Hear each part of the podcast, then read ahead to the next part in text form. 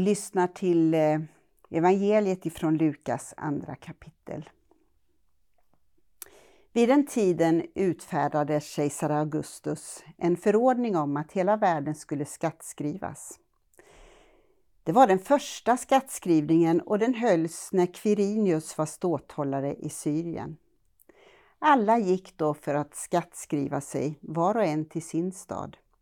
Och Josef, som genom sin härkomst hörde till Davids hus, begav sig från Nasaret i Galileen upp till Judeen, till Davids stad Betlehem, för att skattskriva sig tillsammans med Maria, sin trolovade, som väntade sitt barn. Medan de befann sig där var tiden inne för henne att föda och hon födde sin son, den förstfödde.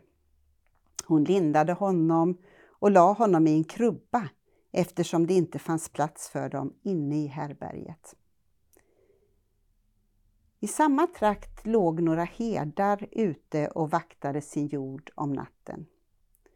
Då stod Herrens ängel framför dem och Herrens härlighet lyste omkring dem och de greps av stor förfäran. Men ängeln sa till dem, var inte rädda. Jag bär bud till er om en stor glädje, en glädje för hela folket. Idag har en frälsare fötts åt er i Davids stad. Han är Messias, Herren. Och detta är tecknet för er. Ni ska finna ett nyfött barn som är lindat och ligger i en krubba. Och plötsligt var där tillsammans med ängeln en stor himmelsk här som prisade Gud. Ära i höjden åt Gud och på jorden fred åt dem han har utvalt. När änglarna hade farit ifrån dem upp till himlen sa hedarna till varandra. Låt oss gå in till Betlehem och se det som har hänt och som Herren har låtit oss veta. De skyndade iväg och fann Maria och Josef och det nyfödda barnet som låg i krubban. När de hade sett det berättade de vad som sagts till dem om detta barn. Alla som hörde det häpnade över vad herdarna sa. Och Maria tog allt detta till sitt hjärta och begrundade det. Och herdarna vände tillbaka och prisade och lovade Gud för vad de hade fått höra och se.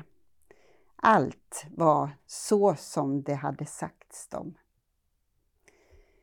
Vi tackar dig Gud för julens budskap.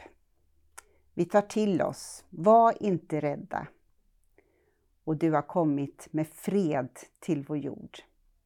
Nu ber vi för varje hem, varje hus om julefrid, julefröjd, glädje, samhörighet, utmaning och tro.